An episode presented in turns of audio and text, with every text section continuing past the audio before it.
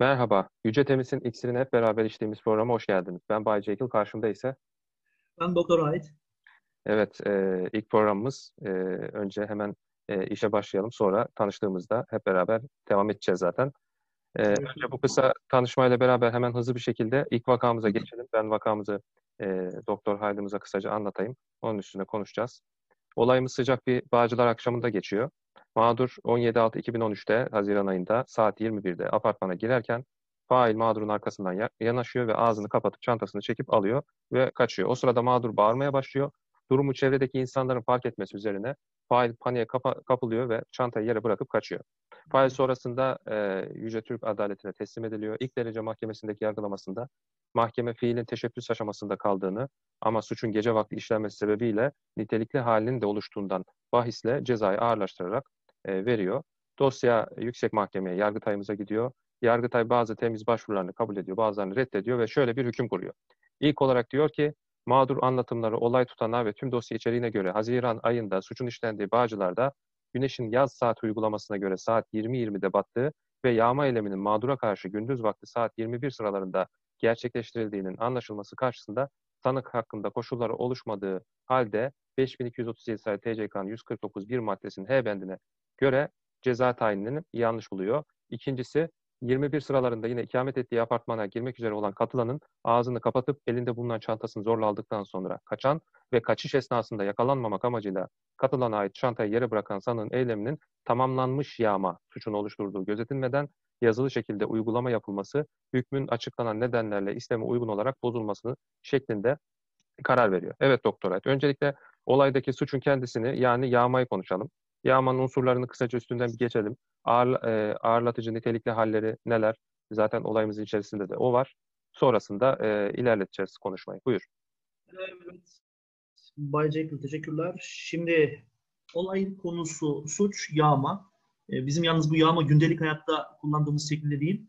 Gündelik hayatta biz bu suç için daha çok eski kanun ismini kullanıyoruz. Yani gaspı kullanıyoruz. Eskiden gasp denilen e, bu suç e, 2005'te kanun değiştikten sonra yağma olarak anılmaya başladı. Neymiş yağma? Şöyle bir bakalım.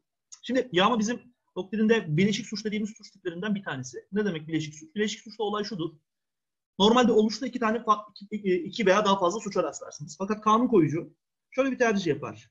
Bir olayda bu farklı suçlara rastladım da bunlardan farklı farklı ceza vermeyeyim de ben. Ne yapayım? Bunların bir arada görülmüş hallerine ben farklı bir isim vereyim. Onu farklı bir madde düzenleyeyim ve ceza verilmesi lazım geldiği zaman da o maddedeki cezayı hükmedilsin. Yani şöyle düşünelim, şöyle formül. A ve B suçlarından bahsedelim mesela örnek alalım. Normalde A ve B suçları bir olayda birlikte işlenmişse bildiğimiz şey şudur. A suçunun ayrı, B suçunun ayrı ayrı ceza alır fail. Fakat kanun koyucu diyor ki ben bu A ile B'nin birlikte görülmüş haline C suçu diyorum diyor. Ayrı bir isim veriyorum diyor. Ceza vereceğin zaman C suçunun düzenlediği maddeye bak, ilgili maddeye bak, oradan ceza ver diye söylüyor. Şimdi yağma suçu da böyle. Yağma da neyle birleşiyor? Yağmada 148. E, maddenin tanımında özetle bir kimseyi tehdit eder veya malını alırsanız veyahut bir kimseyi e, yaralar yahut malını alırsınız. Gerçi burada kanun cebir kelimesini kullanıyor. Cebir ifadesini kullanıyor. Cebrin ne olduğunu da yine kanuna bakıyoruz. 108. madde diyor ki cebir eşittir aslında. Cebir bu arada problemli bir madde.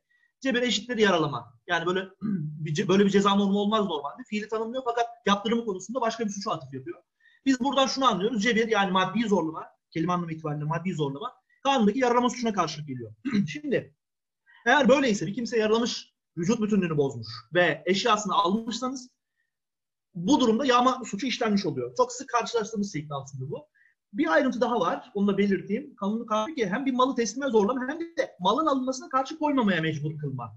Yani kişinin kendi malısını, malını korunmasına engel olma suretiyle de yağma suçu işlenebilir diye söylüyor. Bir şey daha belirteceğim. Şimdi tehditle malını alma eyvallah yağma e, yaralayarak malını almada yağma. Başka bir şey düşünülemez mi? Üçüncü fıkra var. Bu üçüncü fıkra çok güzel. Mağdurun herhangi bir vasıtayla kendisini bilmeyecek veya savunamayacak hale getirilmesi durumunda da cebir varsayılır diye söylüyor. Yani illa e, bahsedildiği üzere bir yaralama, bir müessir fiil ilka ederek değil de örneğin işte atıyorum ilacına, e, pardon e, içeceğine, örneğin gazozuna ilaç atıp işte al yavrum deyip bu gazozunu içirmek suretiyle ve sonra parasını almak ya da telefonunu almak suretiyle de yine yağma suçunun işlen, işlenebileceğinden bahsediyor. Buna e, cebir, bu üçüncü fıkıhta tanımını yaptığımız yönteme cebir karinesi deniyor. Aslında cebir yok ama cebir varmış gibi davranılıyor. Kanun bu durumda da yağma suçun oluşacağından bahsediyor. Yağmanın temel şekli böyle. Nitelikli hallerine bakacak olursak, Silahla işlenirse yağma nitelikli haldir. Ceza ağırlaşır. Kişi kendisini tanımayacak bir hale koyarsa, örneğin maskeyle bunu yaparsa ya da mesela bugünlerde bu tarzda işlenmesine çok sık rastlanabilir. Çünkü biz maske takıyoruz malumunuz. Kişi kendisini tanımayacak bir hale koyar da bu suçu işlense yine nitelikli hal ceza ağırlaşır. Birden fazla kişi tarafından birlikte yapılırsa, işte mahalledeki çete bir araya gelirler ve insanları gasp ederlerse, gapslı, yağma ederlerse yine nitelikli hal konuşulur. Yol kesilir ya da konutta bu iş yapılırsa, iş yerinde veya bunların eklentilerinde yapılırsa, örneğin mesela apartman girişi konut değildir fakat e, konutun eklentilerinden sayıldığı için bu nitelikli hal gündeme gelir. gelir.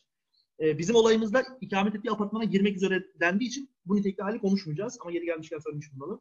Beden veya ruh bakımından kendisini savunamayacak durumda olana e, karşı işlenirse yine nitelikli hal bu. Bu bir yaşlı kimse olabilir ya da bir e, işte engelli bir vatandaş olabilir vesaire. Eğer buna karşı işlenirse yine nitelikli ama konuşulur.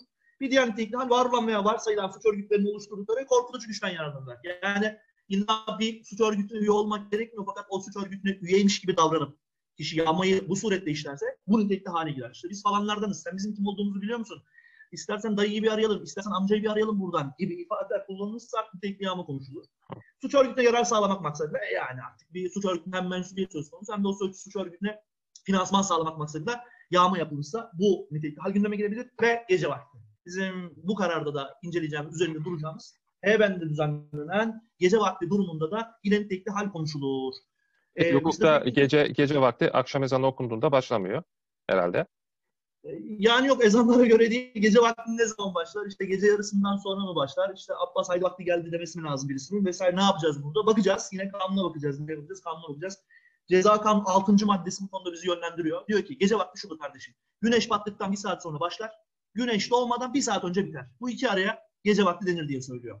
Yani burada aslında neye bakacağız? Demek ki gerçekten ha bu arada neresi için güneşin batması? Suçun işlendiği yer için güneşin battığı an bizim için e, rengi noktası. Buradan bakacağız. Güneşin battığı saatten bir saat koyacağız üstünde gece vaktinin başladığını söyleyeceğiz. Önemli. Gece vakti sadece bu suçta değil, başka diğer birçok suçta da nitelikli bir hal. Dolayısıyla gece vaktinin ne zaman başladığını tespit etmek ona arz edebiliyor. Keza bazı muhakeme işlemlerinde de gece vakti. Örneğin arama, konutta yahut iş yerinde gece vakti arama yapılamayacağından bahsediyor. E, o yüzden gece vaktinin tespiti önemli. Burada yine böyle bir tartışma çıkmış karşımıza. Evet, burada olayda zaten 20-20'de e, e, saat uygulamasına göre e, kararıyor hava. E, onun üstüne anladığım kadarıyla bir saat ekliyoruz. 21-20'de e, aslında gece vakti başlamış oluyor olayda. Evet, teknik olarak burada 20-20'de battı eğer sabitse, ha bu arada onu belirteyim ilginç bir şey. Bu husus gerçekten tartışmalıysa, mahkeme açısından çok önem arz ediyorsa, artık dakikalar falan konuşuyorsak ve e, iddia makamı ya da savunma makamı, keza muhakeme makamı bu hususta bir kanaate varamamışlarsa tabii ki bilirkişiye sevk etmek icap edecek. Bilirkişi bu tip davalarda e, biz Bay Jekyll neresi biliyor musunuz? Kandil Rasathanesi. Kandil Rasathanesi soruyor.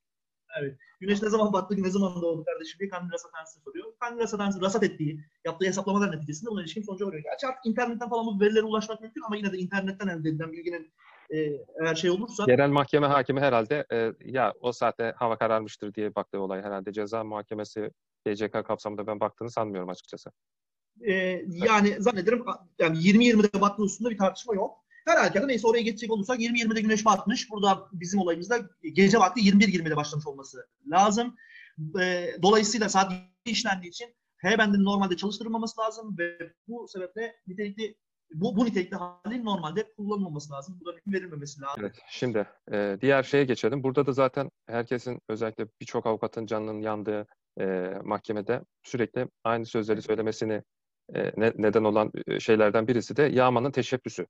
Yani yağmanın teşebbüsü mümkün mü? Teşebbüs aşamasında kalır mı?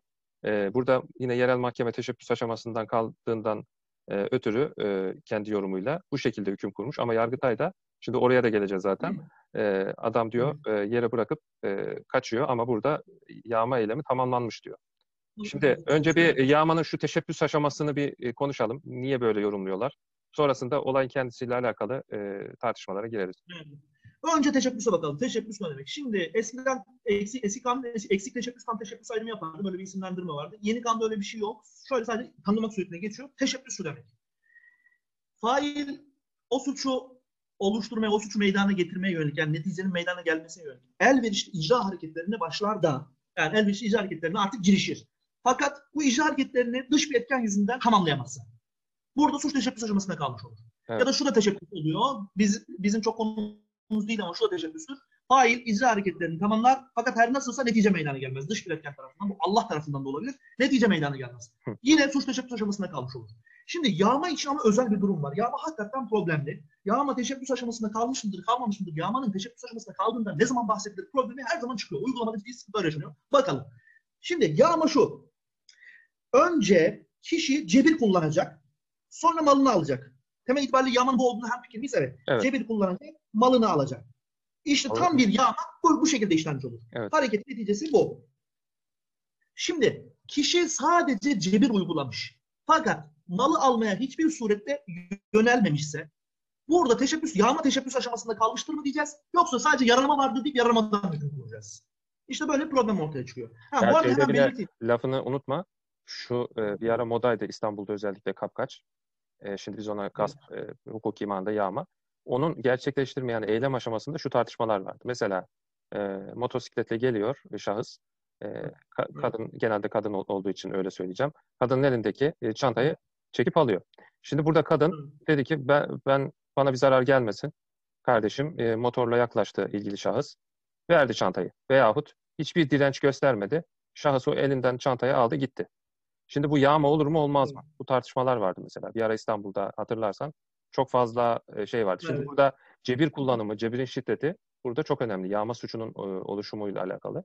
Şimdi o minvalden bir gidersek, o minvalden gidersek aslında bence bu olayda da aşağı yukarı bazı şeyleri ortaya çıkartmış olacağız. Yani biraz da e, biline, bilinen olayların üstünden gidersek, yani çekip almasıyla e, şahsın hiç direnç göstermeyip veyahut görür görmez vermesi, bu e, yağma için ince çizgi mi, o da mı yağma? Nedir yani durum? Kapkaç olarak tabir ettiğimiz fiiller kesinlikle yağmadır. Burada yağmadan e, illa anlaşılması gereken şu değil. Yani bayağı dövülüp çantanın alınması, vurulup çantanın alınması, yani efendim söyleyeyim arkadan silah dayanıp çantanın, cüzdanın, cep telefonunun alınması anlaşılmamalı. Cebir kelimesini kullanmasının sebebi biraz da kanun o. Yani maddi zorlamada bulunması. Maddi zorlamada bulunmak suretiyle alması. Pekala çıktı karşısına o da çıkardı verdi. Yine cep, yine yağma olur mu? Orada da iki şey gündeme gelebilir. Bunlardan bir tanesi şu. Tehdit babında tehdit olarak değerlendirilebilir. Hiçbir şey yapmadı. Karşısına çıktı. işte duruyor öyle. İşte elinde mesela ne olsun? Sopa olsun vesaire. O da işte çantasını alacaklarını düşündüğünden bahisle daha ağzını daha açmadan karşı taraf çantasını bıraktı. O da çantayı aldı. Tehdit düşünülebilir. Ya da 148'de 3 düşünülebilir. Kendisini savunamayacak hale getirme babında düşünülebilir. Çantayı bırakmıştır. Hiç savunamayacak. Yani mutlu tutulmuştur adeta. Ee, ve çantayı bırakmıştır. O da çantayı alıp gitmiştir vesaire. Bu kapsamda düşünülebilir. Yine yağma gündeme gelir. Bal gibi yağma olur. Şimdi asıl problem şurada. Ee, sadece malın alınmasına yönelik herhangi bir fiil yok yani. Sadece cebir uygulanmışsa ya da sadece tehdit uygulanmışsa gidilmişse yani fail sadece cebir uygulamış yani kişi yaralamış maddi şeyi zorlamış e, yahut sadece tehdit etmiş fakat malın alınmasına yönelik herhangi bir şey söz konusu olmamış yine yağma teşebbüs aşamasında kalmıştır diyebilir miyiz? İşte burada problem var. Normalde denememesi lazım. Kişi, bir A kişisi B, A şahsı B şahsına dövdüğünde fakat cep telefonunu almaya asla yeltenmediğinde bile burada sadece yaralama suçu vardır. Burada yağmaya teşebbüsten bahsedilemez. Eğer burada yağmaya teşebbüs denirse adeta mahkeme şunu demiş olur. Valla dövmüşsün, cep telefonunu da alacakmışsın ama alamamışsın. Er nasıl oldu ben bilmiyorum ama alamamışsın. Dolayısıyla senin yaptığın sadece bir yaralama değil, yağmanın teşebbüs aşamasında kalmış hali. Yağmaya teşebbüs kardeşim deyip ceza vermiş olur. Bunun kanunilikle de alakası yok, masumiyet kardeşiyle alakası yok. Ceza mantığına aykırı. Peki neden neden ya, yağmaya teşebbüse ısrarla sokuyorlar? Yani e, daha fazla cezalandırmak için mi yoksa bir türlü e, şeyi tamamlayamıyorlar mı kafada? E, tabii tabii yağmaya, teşe, yağmaya teşebbüs olarak değerlendirilirse daha fazla ceza alma ihtimali var. Çünkü çoğu zaman yağmalardaki cebirler basit yaralama seviyesindedir. Sadece, sadece yaralama olarak değerlendirecek olursak basit yaralamada hüküm kurmak zorunda kalacak. Ama yağmaya teşebbüs derse daha yüksek ceza vermek zorunda kalacak. Bir de tabii caydırıcılık falan e, işte ibret alem düşüncesi de var ki bunu belki ayrı bir kayıtla düşünmemiz lazım. Farklı suçlar Yani ben- şö- şöyle de bir şey var. Şimdi o suçu işleyenler acaba bunun ayrımını o dünyalarında yapıyorlar da ona göre mi eylemlerinin yani niteliğini belirliyorlar? O da ayrı bir olay tabii. işte onların dünyalarında neler yaşandığını da mahkemenin tespit edebilmesi çok mümkün değil. Mahkeme bunu yaparsa o zaman da mahkeme niyet okumuş olur. Mahkeme niyet okumuş olur. Yani o zaman kişiliğine göre, yaşadığı mahalleye göre ya sizin orada oturanlar zaten hep bu işi yapıyorlar. Ya da senin zaten bu işi çok işlemin, bu suçu çok işlemişliğin var. Yine aynı dalgalara devam ediyorsun. Neyse Sen deyip ki ceza mahkeme, mahkemelerimizin öyle bir kanaati yok. Ee, olayın her olayın kendi içindeki özelliklerine göre e, karar Evet. veren mahkemelerimiz var. Şimdi e, en nihayetinde o zaman yargı şey yağmanın özür diliyorum yağmanın e, tam olarak Hı. e, gerçekleştiğini hangi vasıtayla e, şey yapabiliriz, varabiliriz yani sonucuna. Yani yağma hangi aşamada tamamlanır? Ha şimdi aslında e, bizim olayımız üzerinden anlatalım onu. Şimdi burada tartışma şu. Elinden zorla almış, cebir gerçekleşmiş. Cebir e, unsuru tamam burada, problem yok. Elinden zorla almamak, daha da pardon düzeltiyorum, ağzını kapatıp elinden zorla alma mevzusu var. Cebir var burada. Cebir, Cebir var. Cebir var. Almış, kaçış esnasında yakalanmamak için çantayı yere bırakmış. Fakat ilk derece mahkemesi teşebbüs aşamasında kalmıştır diye söylüyor. Yargıtay aksine hayır diyor burada tamamlanmıştır diye söylüyor. Peki, Bence bu araya- veri yetersiz. Peki araya giriyorum. Hı. Şimdi o zaman Evet. e, burada söz konusu olan şey e, mağdurun burada e, zarara uğramasının tamamlanmış olmasına mı acaba bakıyorlar? Şimdi e, sonuç itibariyle o çekip aldığı şeyi, çantayı, o içindeki materyalleri her neyse e, geri mağdur elde edebiliyor. E, burada bir e, Evet, geri elde- bir zarara zarara da uğramıyor diye ilk derece mahkemesi değerlendirip e, teşebbüs aşamasında kalmıştır. Veyahut ikinci bir şey sokacağım şimdi araya. Burada bir gönüllü vazgeçme var mıdır? Yani sonuç itibariyle bir eylem yapıyor ama e, bundan bu eylemden vazgeçiyor. Yani eylemin sonucundan vazgeçiyor en azından. Geri bırakıyor mesela. Evet Bu güzel. kapsama güzel sokula, soru. bu kapsama sokulabilir mi? Tamam. Teşebbüs değil de gönlü vazgeçme konuşulabilir mi diye soruyorsun. Aynen öyle. Şimdi belirteyim. Ee, önce birinci soru zarara uğramadıysa suç şey, teşebbüs aşamasında kalmıştır diye düşünüyor olabilir mi mahkemeler ya da yargıtay? Burada zarara uğrama gerekmiyor. İlla maddi bir zarara, maddi bir kayba uğramak gerekmiyor. Ee, gerçekten hakimiyet alanından çıkıp çıkmamaya bakıyor. Yani kişiden mal alındıktan sonra da aslında zarar gündeme gelmeyebilir. Uzak bir ihtimal, düşük bir ihtimal bu gündeme gelebilir. Yine yağmış, yağma suç oluşmuş olur mu? Tabii yağma suç oluşmuş olur. Burada maddi zarar gerçekleşip gerçekleşip gerçekleşmediğine bakmıyoruz. Ayrı bir mevzu. Sadece hakimiyet alanından çıkarılmış mı çıkarılmamış mı bizim değerlendirmemiz o. Yani geri alabileceği noktada mı değil mi? Geri alabileceği noktadaysa, geri alabilme imkanları dahilindeyse kişiden mal alınmış sayılmayacağı için yağma teşebbüs aşamasında kalmış olur. Ee, gönüllü vazgeçme var mıdır yok mudur az sonra geleyim hemen şunun cevabını vermiş olayım. Bu kararda çantanın nereye bırakıldığı meselesi önemli. Çantanın nereye bırakıldığı meselesi önemli. Alan kişi çantayı alıp 3-4 sokak öteye bırakmışsa Yargıtay'ın dediği gibi burada tamamlanmış yağma vardır. Alan kişi alır almaz çantayı bırakmışsa ilk derece mahkemesinin dediği gibi yağma teşebbüs aşamasında kalmıştır. Anlatabildim mi? Anladım. Bu olayda o ayrıntı, öteye- bu olayda o ayrıntı yok. Evet ayrı, ayrıntı yok. Büyük ihtimal Yargıtay buna çok hakim olamadığından, Yargıtay buna çok hakim olamadığından burada tamamlanmış yağma var kardeşim. Çantayı almış diye bahsetmişsin sen. Nereye aldığını, nereye bıraktığından bahsetmişsin. Dolayısıyla teşebbüs denilemez burada. Burada tamamlanmış yağma var diye söylemiş. Ya da dosyanın ayrıntısına bakmak lazım. Bu ikili ayrım üzerinden gidiyor. Şimdi gelelim diğerine. Burada e, şey değil de teşebbüs değil de gönüllü vazgeçme var. Gönüllü vazgeçmeyi hemen şöyle kısaca dinleyicilerimiz için bir özetlemiş olayım. Gönüllü vazgeçmeli de şu az önce ne dedik? Fail icra hareketlerine girişi dış etkenler sebebiyle icra hareketlerini tamamla, tamamlayamıyor. Buna teşebbüs denir. Gönüllü vazgeçmede de şöyle oluyor. Fail icra hareketlerine başlar. Fakat icra hareketlerini kendisi yarıda keser. Kendisi yarıda keser. Bu durumda bu durumda artık teşebbüsten değil gönüllü vazgeçmeden bah- bah- bahsedilir. Gönüllü vazgeçmeyle teşebbüs arasındaki fark ne? Teşebbüste o ilk suçuna teşebbüsten ceza verilirken gönüllü vazgeçmede failin vazgeçme anına kadar yaptığı fiillerden ceza alması söz konusu. Sonra yaptıklarından ceza almaması söz konusu. E, o yüzden gönüllü vazgeçmeye altın köprü de diyoruz. Doktrinde gönüllü vazgeçme. teşebbüs- Yani birisi seni vazgeçene kadar sen vazgeç. Birisi senin yolunu kesene kadar sen kendi kendinin yolunu kes. Bu daha avantajlı, daha az ceza almanı sağlayacak. Yargıtay'da Yargıtay'da şey diyor. E, kaçış esnasında yakalanmamak amacıyla sanki e, bunu düşünerek koymuş gibi geldi bana kararda. Evet yani kendisi ya kendisi vazgeçmiş gibi e, duruyor diyorsunuz. Doğru. Yakalanmamak amacıyla katlana ait çantayı yere bırakan sanığın eylemi diye söylüyor. Burada yakalanmamak ben tam tersini düşünüyorum. Burada Evet. aslında kendi iradesiyle değil, başka baskı unsurları Güzel, söz konusu güzel. olduğu için. Evet güzel. Ee, yakalanmamak amacıyla derken iki şey de aslında akla geliyor. Kendi iradesiyle aman yakalanmayayım, dur şunu bırakayım da aman yakalanmayayım diyorsa bu yine kendi iradesi olur, gönlü vazgeçmedir. Fakat buradaki yakalanmama amacı o değil. Buradaki yakalanmama amacı o değil. Burada mecbur kalma durumu var. Mecburen çantayı yere bırakma durumu var. Yani isteyerek vazgeçme, isteyerek kesilme yok. Dış etken sebebiyle kesilme var. Dolayısıyla eğer bahsettiğim gibi çantanın nereye bırakıldığı, ne kadar zaman sonra bırakıldığı husus açıklığa kavuşturulursa işte o zaman teşebbüs gündeme gelebilir. Evet. Burada teşebbüs e, vardır da denilebilir. Ayrıntıya bakmak lazım. Yoktur da denilebilir. Bana kalırsa Yargıtay'ın buradaki kararında bir hata var. Çünkü e, Kaplan çantayı yere bıraktığından bahsetmiş. E, bana kalırsa çok katılanın Değerlendirmeye değerlendirmeye şöyle geçelim. Hemen kanaatini söyleme. Evet. Şimdi yağma ile ilgili de ileride e, yine vakalarımız olacak. Yine derinlemesine inceleriz o, olayların şeyine göre, e, çeşidine Evet. göre. E, şimdi karara karşı kanaatimizi söylediğimiz son sözlerimiz var bizim. Üç, üç şekilde vereceğiz bu cevapları. Birinci karar kafamıza yatmışsa, yani karar kafamıza yatmışsa ilk olarak adalet yerini bulmuş diyeceğiz. İkincisi olarak e, eğer karar saçmalık ötesi ise güzel kafa diyeceğiz.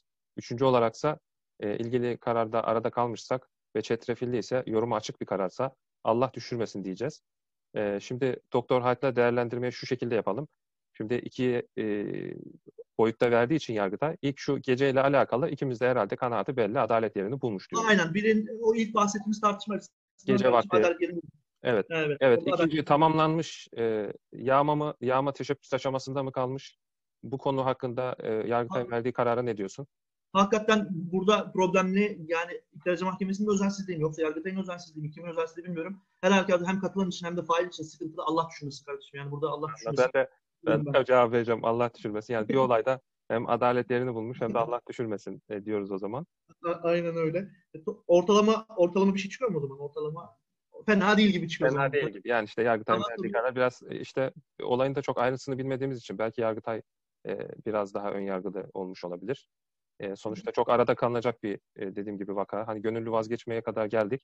Bir, bir sürü şey söyledik. Kendi başımıza bir sürü yorum yaptık. Hani iki sokak ötedeyse ayrı, hemen dibine bırakmışsa ayrı falan. Tam da bilmiyoruz. Ya da işte Evet. etkenler sonucu e, yere bırakıp kaçıyor falan. Yani içinden bir şey aldım almadım bilmiyoruz. Ger- gerçi almış olsa zaten e, tamamlanmış olduğu ile ilgili bir tartışma olmaz. Evet. Dolayısıyla bu şekilde gece vakti e, işlenmediğine ilişkin adalet yerini bulmuş. Ama diğer yönüyle çok çetrefilli bir karar olduğu için Allah düşürmesin diyoruz. Allah düşünmesin. Evet. Evet.